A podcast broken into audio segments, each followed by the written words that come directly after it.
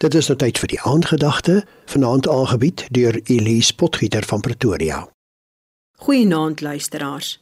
'n Hongerjakkals het oral rondgeloop op soek na kos. Op 'n stadium het hy op 'n plaas aangekom, oor die muur geklim en 'n druiweboord gesien.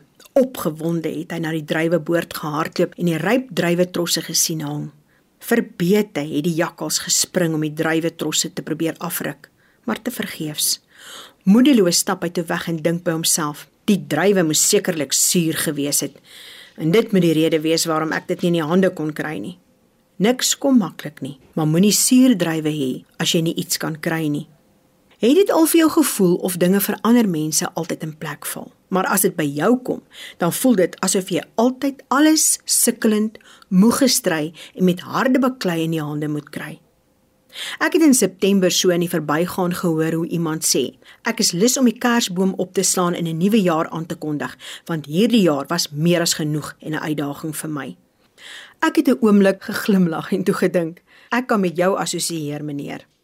Maar as ons die verhaal oor koning Dawid gaan lees, gaan ons sien dat die man byna sy hele lewe in een of ander stryd gewikkel was. Nie eers sy koningskap was in vrede gelaat nie en moes hy voor een van sy seuns vlug omdat die hom wou doodmaak. En dit is 'n man vir wie God baie liefgehad het. En op sy beurt het hy God liefgehad. So, hoe het Dawid sy stryd hanteer? Hy het gesê: "Ek het U baie lief, Here, my sterkte. Die Here is my rots, my skuilplek en my redder, my rots by wie ek skuil, my skild en sterk verlosser, my veilige vesting."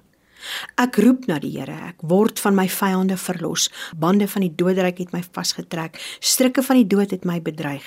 In my nood roep ek na die Here. Ja, ek roep om hulp na God. In sy paleis hoor hy my geroep. Ek roep om hulp en hy luister na my. Die Here leef. Ek loof hom wat my rots is. Ek prys my God wat my gered het. Dit is God wat my die oorwinning gee. Hy red my van my vyande. Hy bevry my van my teestanders en geweldenaars. Dawid het geweet dat God almagtig die bron van die almagtige krag, mag, wysheid, kennis en insig is.